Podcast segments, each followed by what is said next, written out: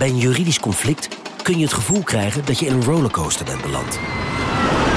Je wereld staat op zijn kop en je bent de controle even helemaal kwijt. Dan is het fijn als je bent verzekerd bij ARAG. Daar werken topjuristen en advocaten die je begrijpen. Die een stap extra voor je zetten. En je het gevoel van controle teruggeven. Met kennis en informatie, met heldere uitleg en met gericht advies. ARAG, juridisch probleemoplossers. Nieuw Aquarius Red Peach Zero Sugar. Met zijn heerlijke frisse persiksmaak zonder suiker draagt Aquarius bij tot jouw dagelijkse hydratatie en helpt zo mee om je vochtbalans op peil te houden tijdens alledaagse actieve momenten. Thuis, op het werk of onderweg. Ook verkrijgbaar in smaken lemon en orange. Probeer hem nu.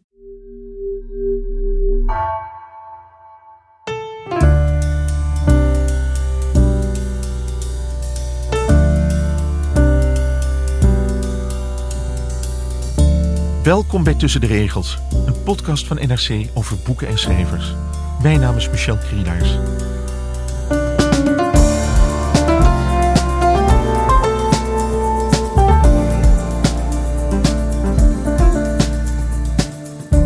Deze zomer hebben we het in deze podcast uitgebreid over het werk van William Shakespeare, de grote toneelschrijver uit Engeland. Zijn werk wordt nog altijd wereldwijd opgevoerd. Ik weet nog goed dat ik als puber voor het eerst Hamlet hoorde op een plaat in de klas bij Engelse les van mevrouw Frieling.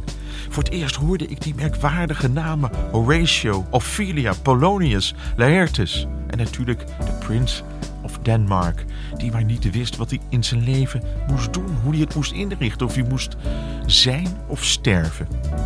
In deze vijfde aflevering van deze serie praat ik met regisseur Nina Spijkers over een van haar lievelingsschrijvers, Shakespeare dus, en waarom we zijn stukken überhaupt nog zouden moeten opvoeren, terwijl ze toch al zo lang geleden geschreven zijn. Welkom Nina. Dankjewel.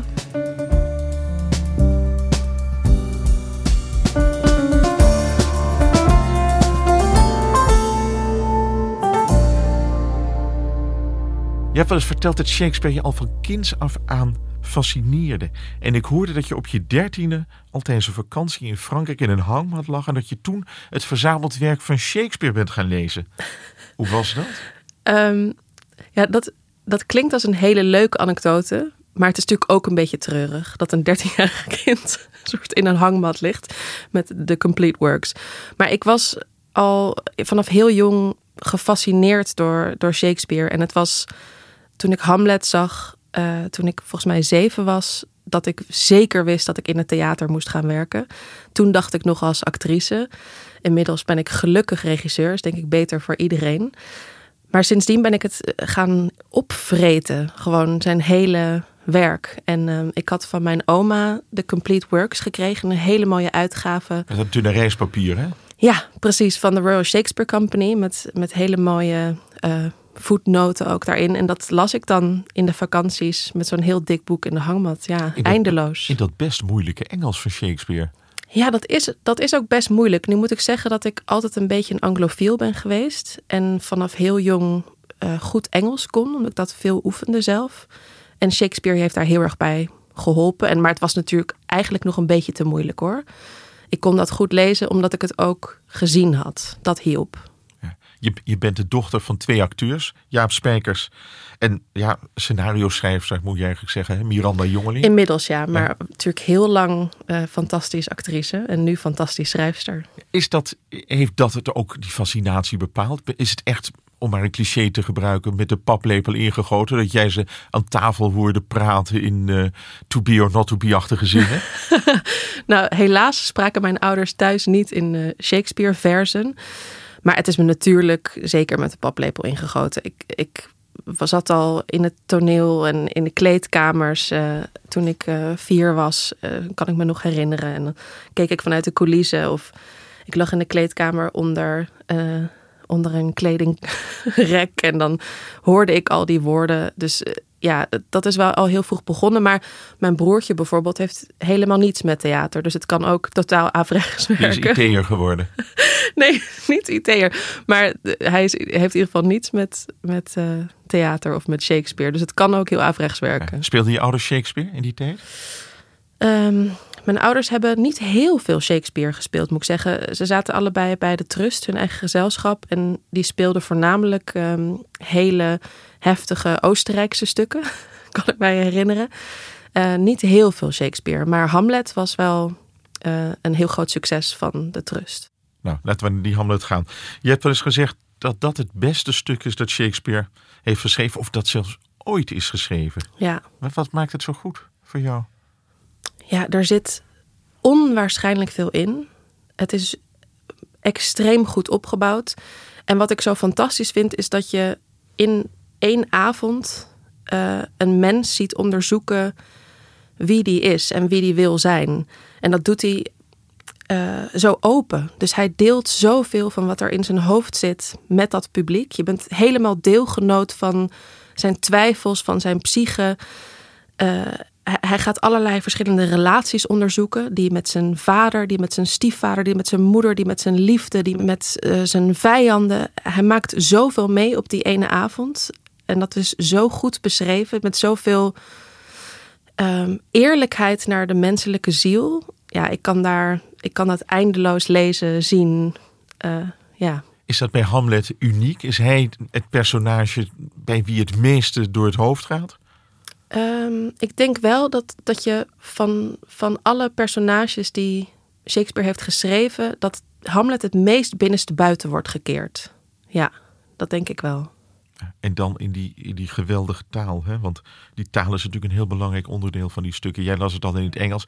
Je ziet dat uh, grote vertalers in Nederland. Ik noem Bert Voeten, Gerrit Komrij. Ja. Die daar ontzettend mee hebben uh, gespeeld in feite. En dan nog blijft dat Engels superieur helaas. aan die vertalingen. Ja, dat is helaas wel echt waar. Ja, dat is goed gezegd. Wat is het dan? Dat dat Engels zo bijzonder is? Is het het ritme? Is het die, die muzikale klanken? Dat, dat is het, maar het is ook. Er zijn soms ook gewoon meer woorden in de Engelse taal om één ding uit te drukken. Dus je hebt meer variatie. Het lijkt wel ook alsof er meer mogelijkheden zijn tot metafoor. En Shakespeare heeft ook een heleboel woorden bedacht. Uh, of voor het eerst opgeschreven, daar is een beetje een discussie over. Maar dus de taalgevoeligheid, uh, die komt echt uit de tenen, lijkt het. Ja, dat denk ik, want ik weet natuurlijk helemaal niet wie Shakespeare is. Ik heb die man nooit ontmoet, of vrouw.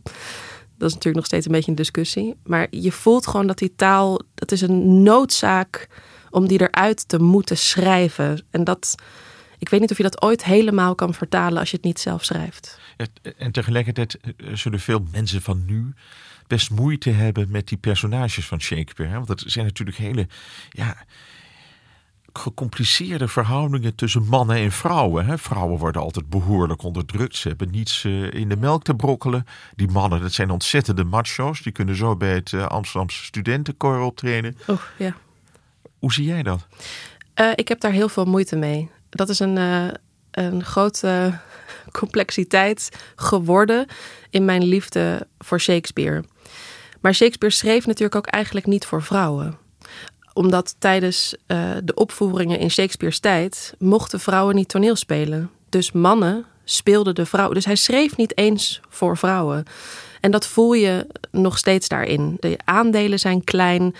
De personages zijn niet interessant. Er is geen diepgang. Dat is heel ingewikkeld. Maar er is een heel makkelijke oplossing voor.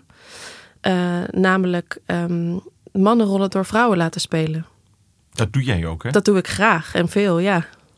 En wat, waar leidt het dan toe? Dan draai je de situatie om en dan wordt die vrouw de, de matcha. Ja, nou, je, je krijgt atypische vrouwenrollen. Wat actrices uitdaagt en wat het tot hele gelaagde, interessante personages maakt. Maar je krijgt ook atypische mannenrollen. En uh, dat is ook weer ja, minder genderconformistisch om naar te kijken. Je krijgt automatisch ook queer relaties door uh, genders om te draaien. Dus je krijgt een grotere complexiteit en een moderner gevoel. Ja, heb je een voorbeeld, concreet voorbeeld? Nou, bijvoorbeeld, uh, ik ga Coriolanus maken bij het Nationale Theater. En daar um, heb ik ervoor gekozen om Coriolanus te laten spelen door een vrouw. Uh, Jela de Koning, die gaat dat spelen. Fantastische actrice. En ik heb er ook voor gekozen om het niet alleen te laten spelen door een vrouw, maar ook het personage een vrouw te laten zijn, ook in woorden. Ehm, maar haar, de vrouw van Coriolanus blijft gespeeld door een vrouw.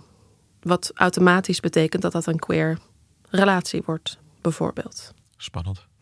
En de moeder van Coriolanus wordt gespeeld door mijn vader, Jaap Spijkers. Ehm, en dat blijft een vrouw. Dus mijn vader gaat een vrouw spelen. Ehm, wat ook weer een um, ander soort brilletje geeft om te kijken naar die rol. Ik zie het heel wel voor me.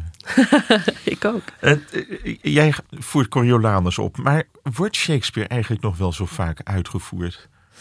Best heel weinig eigenlijk. En het wordt wel veel uh, gebruikt uh, als inspiratie. Het plot van Romeo en Julia of van Midsomernachtstroom wordt, wordt veel gebruikt. Maar echt een, een Shakespeare in de taal van Shakespeare bedoel, het hoeft niet integraal, maar uh, dat wordt echt heel weinig gedaan nog. Steeds minder. Ivo van Hoven natuurlijk, met de ja. koningsdrama's. Uh, uh, Tom Lanois natuurlijk, hè, met Ten Oorlog. Maar dat ja. is het wel. Terwijl in heel veel andere landen, als je om je heen kijkt naar Duitsland, Frankrijk, ja. daar is wel iedere maand ergens een Shakespeare-stuk. Het verdwijnt totaal in Nederland. En waar komt dat door? Ik denk dat het een um, flink stoffige reputatie heeft gekregen. Ik denk dat uh, we bang zijn geworden voor de aandachtspannen van het publiek. Ik denk dat we bang zijn geworden voor de taal, voor, de, voor het begrip. Maar ik denk ook dat er een heel groot, grote behoefte is in Nederland nu onder het publiek en onder makers om uh, nieuwe dingen te maken, om nieuw repertoire te maken, om meer dingen te zeggen over het hier en nu op een letterlijkere manier.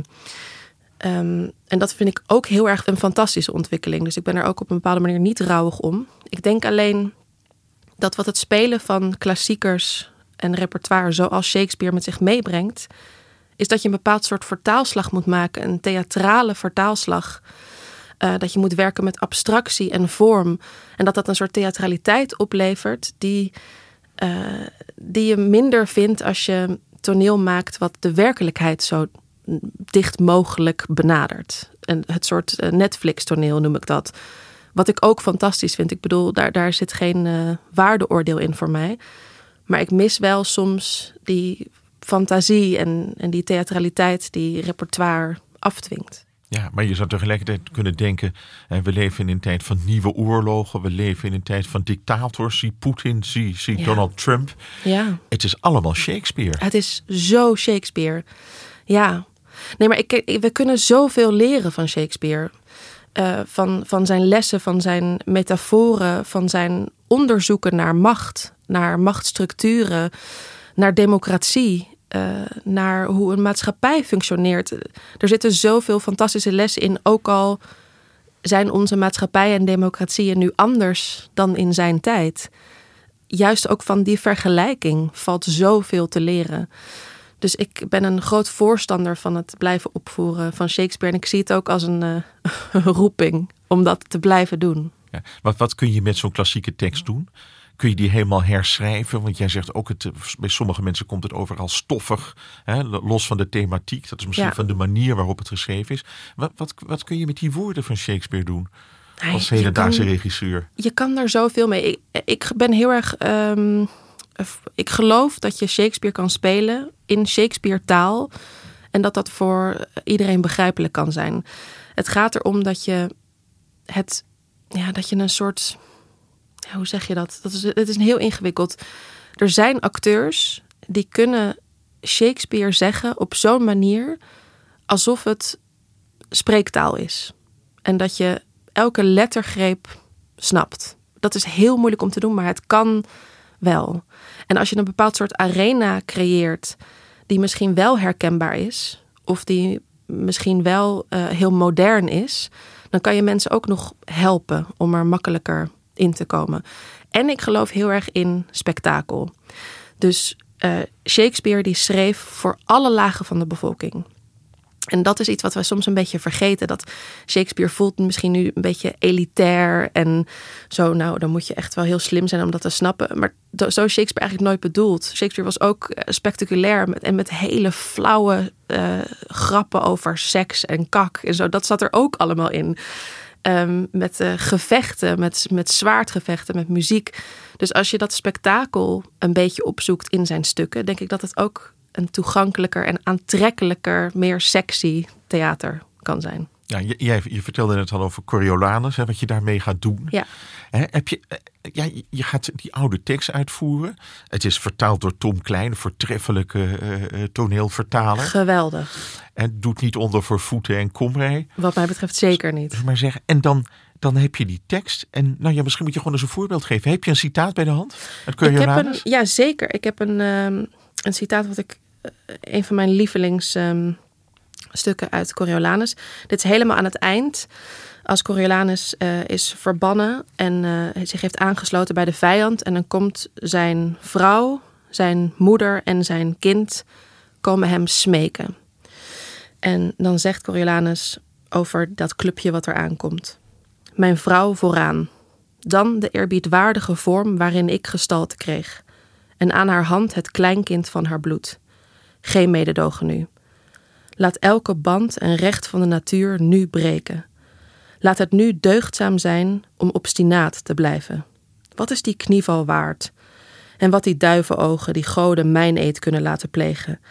Ik smelt en ben niet van een sterkere materie dan een ander.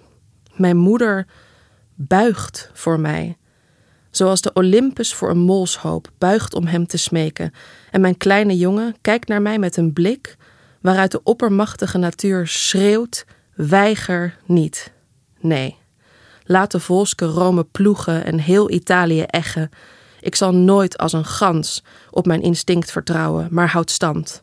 Als iemand die zichzelf geschapen heeft en van geen andere verwantschap weet. Ja, ik zie het premier Rutte in de Tweede Kamer nog niet zeggen. maar het zou heel mooi passen. Dat zou toch heerlijk zijn? Als we zulke politici oh. hadden. Want dat zie je natuurlijk in het Britse parlement. En daar gebeurt het wel heel vaak. Hè? Dat oh, wordt heel vaak Shakespeare aangehaald. mooi gesproken ook. Dat, dat is, ja, heerlijk. Ja, wat ik hier zo geweldig aan vind is dat uh, hij zegt niet uh, moeder over zijn moeder. Hij zegt uh, de eerbiedwaardige vorm waarin ik gestalte kreeg. En dan helemaal aan het eind zegt hij... Uh, maar ik houd stand als iemand die zichzelf geschapen heeft. Waardoor hij eigenlijk zichzelf in dit moment ontmoedert. Om maar niet een kind te zijn, maar om krachtig te blijven. En om, om uh, dapper te zijn en niet voor de smeekbeden te vallen. Dat zit helemaal in die taal. Ja, ik vind dat zo mooi. Want Coriolanus is een hele twijfelachtige heerser. Hè? Dat is iemand die eigenlijk helemaal niet zo goed weet wat hij. Ja, ja, het is niet de macho, het is niet de dictator. Nee. Hij weet het allemaal niet zo goed. Nou, hij weet heel goed wie hij zelf is. Alleen dat maakt hem erg ongeschikt eigenlijk ja. voor die positie. Het is een militair. Het is een militair die te eerlijk is eigenlijk. Dus het is geen politici. Hij kan niet vleien. Uh, hij kan niet. Hij is zijn beste vriend de dolkstoot geven. Ja, dat moet natuurlijk ja. als politicus. Hij, uh, hij is te oprecht eigenlijk voor zijn eigen. ja, om, om een politicus te zijn. En dat vind ik er ook wel aantrekkelijk aan, want dat zou ik ook wel fijn vinden om meer te zien. Uh, hij is een politicus die, uh, die helemaal zichzelf is en, en nooit zal uh, liegen of vleien. En dat, dat vind ik ook wel bewonderenswaardig, ook al functioneert het dus niet in een democratie. Het begin van Coriolanus is heel erg spannend. Hè? Kun, kun je dat nog even vertellen? Nou, dat is toen ik dat las, toen dacht ik, dit moet ik nu gaan maken. Het begint namelijk met de bestorming van het kapitool. Wat natuurlijk fantastisch is. Uh, het begint met uh, de burger die in opstand komt. Uh, omdat er geen graan is. En omdat ze de Senaat en de adel ervan beschuldigen dat ze alle graan voor zichzelf houden. Dus daar opent het mee. En toen, nou, met een kapitoolbestorming. Hoeveel fantastischer en moderner en actueler kan je het krijgen? Ja, gaat dat zien, zou ik zeggen. Absoluut. Ja. En een ander stuk dat jij uh, op de plank hebt gebracht is het Temmen van de Fake, zoals 2019. Ook al zo'n, eigenlijk zo'n heel ja, gedateerd stuk. Hè? Want het gaat natuurlijk over een vrouw die weigert zich te laten onderwerpen door een man. Ja. Uh, wat, wat heb je daarmee gedaan?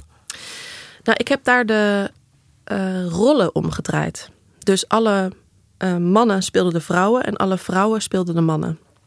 En het was een, voor mij een soort onderzoek naar um, genderpatronen en naar seksisme. Het was mijn antwoord eigenlijk op de MeToo-beweging. Uh, het was mijn onderzoek naar hoe ik om kon gaan met mijn woede eigenlijk. Dus ik heb die rollen omgedraaid en dat was eigenlijk het brilletje wat ik heb gegeven daar om naar dat stuk te kijken. Dus um, het is een stuk wat gaat over uh, twee uh, vrouwen, twee zussen. Eén is heel lieflijk en begeerlijk en de ander is een fakes. Um, maar omdat die fakes de oudste is, moet hij als eerste trouwen. En als die niet trouwt, dan mag de jongere ook niet trouwen. Wat betekent dat al haar vrijers op zoek gaan naar een man voor de fakes. Nou, dat is even zo heel in het kort waar dat uh, over gaat. Maar het is vooral het einde van het stuk uh, waarin uiteindelijk die Catharina die fakes een soort knieval doet en zegt dat je je hand moet leggen onder de voet van je heer, je man. Dus die zich volledig onderwerpt daar.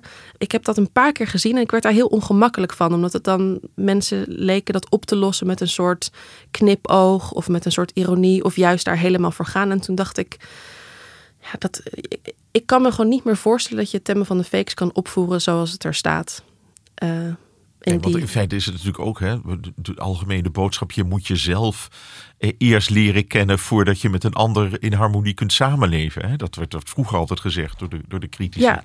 Maar ja, het, maar blijft iets heel neerbuigends ja. ten opzichte van die vrouw. Hoe heb, je dat, hoe heb je dat aangepakt door die rollen om te draaien? Nou, wat het opleverde, wat ik, wat ik heel grappig vond, is dat uh, de mannen erachter kwamen hoe klein die vrouwenrollen waren. Dus uh, Roland Fernhout, die speelde uh, de fakes, Catharina.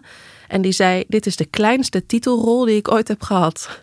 Omdat hij gewoon wel, zeg maar, het soort de hoofdrol had, maar eigenlijk met heel weinig scènes en tekst. Um, en uh, Xander van Vledder die speelde Bianca, uh, wat het jongere zusje was, wat een soort iconische rol is. En iedereen kent die rol, maar hij kwam erachter hoe weinig hij te doen had. En al die vrouwen die zeiden: Nien, ik heb nog nooit zoveel tekst gehad. En die voelden zich bevrijd doordat ze mannen mochten spelen. De soort brutaliteit en de, uh, de vrijheid waarmee ze op dat podium stonden. En hoeveel materiaal ze hadden om zich als actrice te uiten. Ja, dat vond ik zo'n ontdekking. En toen dacht ik, ja, dit moet ik vaker doen. Niet alleen bij Shakespeare, maar gewoon überhaupt die rollen gewoon eens omdraaien en kijken wat dat oplevert. Ja, maar je hebt die mannelijke acteurs ook een spiegel voorgehouden. Hè? Want die zijn, voelen zich bijna in hun mannelijkheid aangetast. ik weet niet of ik zo ver zou gaan om, om dat over ze te zeggen. Maar ik denk dat het voor ons allemaal, ook voor mij, een, een eye-opener was. Omdat je er zo aan gewend bent dat vrouwen een kleiner aandeel hebben in alles.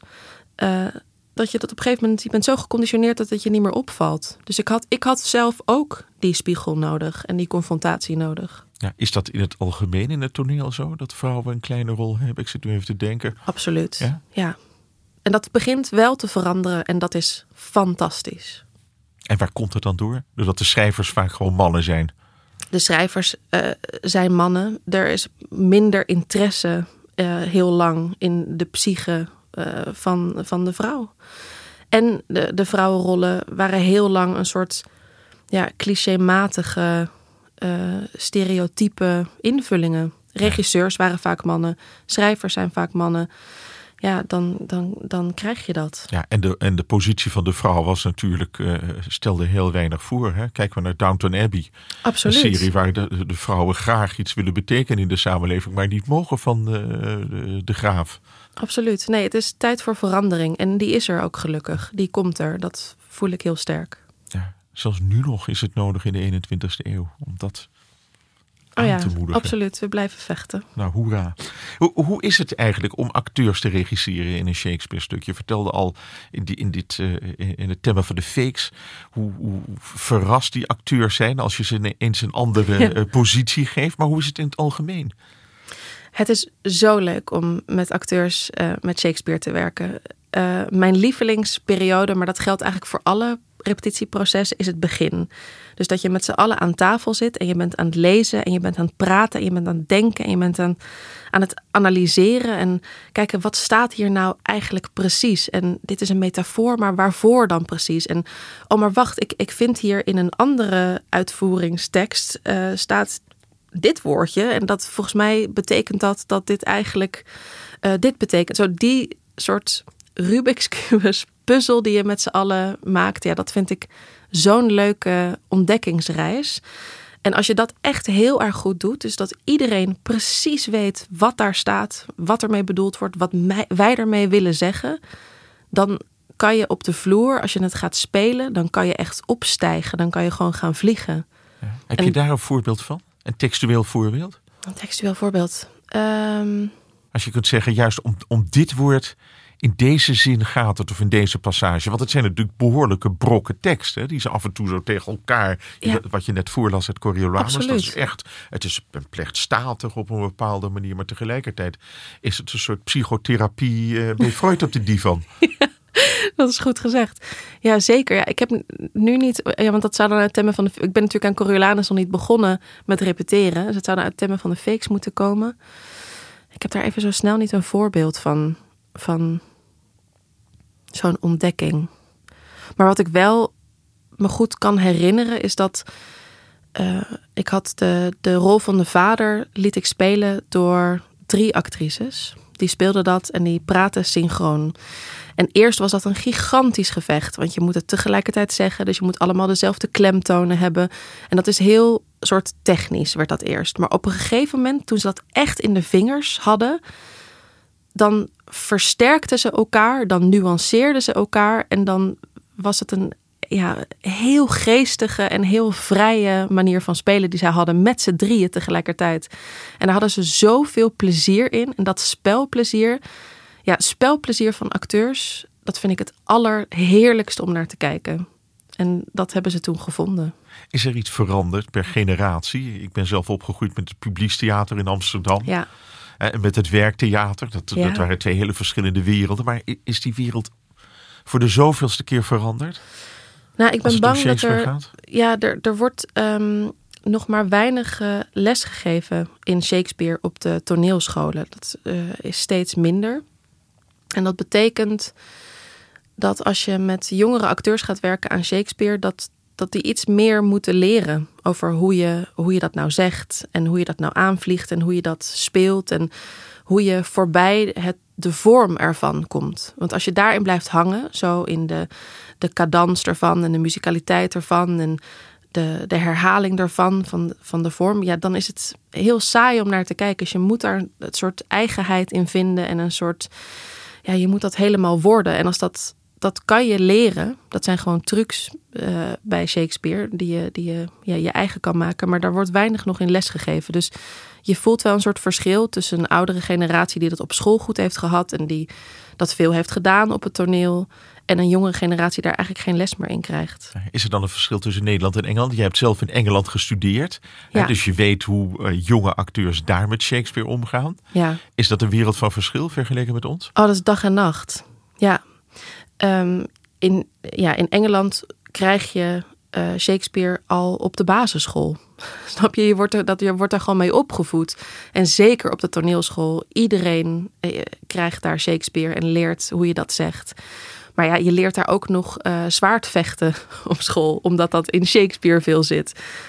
Dus ja, nee, dat is echt een ongelooflijk verschil. En ook als je daar naar, naartoe gaat, naar, naar Shakespeare in, in Londen of in Engeland, dat is zo kundig gedaan.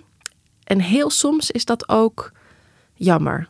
Dus er zit ook een, een schoonheid in dat een acteur een gevecht moet aangaan met die taal en met die tekst. En, en het zich echt moet veroveren, die, die taal en die rol. Uh, dat maakt soms ook persoonlijkere um, uh, rollen en persoonlijkere spelingangen. Uh, en dat in Engeland is het ambacht. Gewoon klassiek gespeeld. Ja. Klassieke kostuums, niet in een Amerikaanse wel. auto voorkomen rijden. Ja, vaak wel. Ja, gewoon een paard, een paard. ja. Een koninkrijk voor een paard.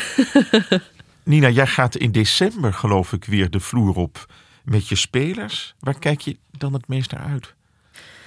Oh ja, ik heb zo'n waanzinnige club acteurs om mee te werken bij het Nationale Theater. Het is de grootste club acteurs waar ik ooit mee heb gewerkt. Dat vind ik ook heel spannend. Uh, er zitten volgens mij eh, eh, twaalf mensen in die cast. Nou, met zoveel mensen tegelijk heb ik nog nooit eerder gewerkt. Dus dat vind ik een geweldige uitdaging. Ja, ik verheug mij op het onderzoek. hoe we dit nu gaan spelen. Um, ik verheug me op de, de ontdekkingstocht naar de betekenis van, van de woorden.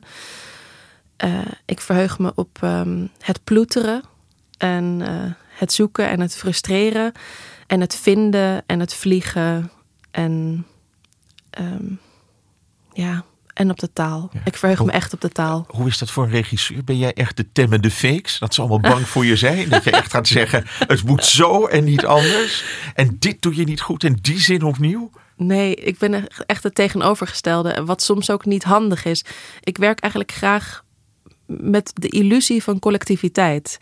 Dus ik, ik ben heel erg voor het eh, samen maken, samen creëren. En ik ben dan wel de kapitein op het schip en ik bepaal de koers. Maar eh, ik, ik werk graag echt met mijn team.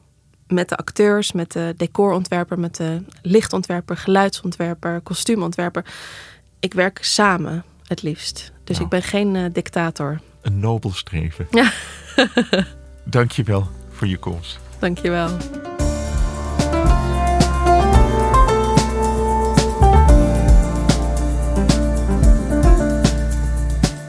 U luisterde naar een podcast van NRC. Deze aflevering is gemaakt door Ignaas Schoot. De editor is Jeroen Jaspers. En volgende week praat ik in de laatste aflevering van deze reeks over Shakespeare met David Reizer, klassicus, die alles weet van de erfenis van de Engelse schrijver op de rest van onze cultuur.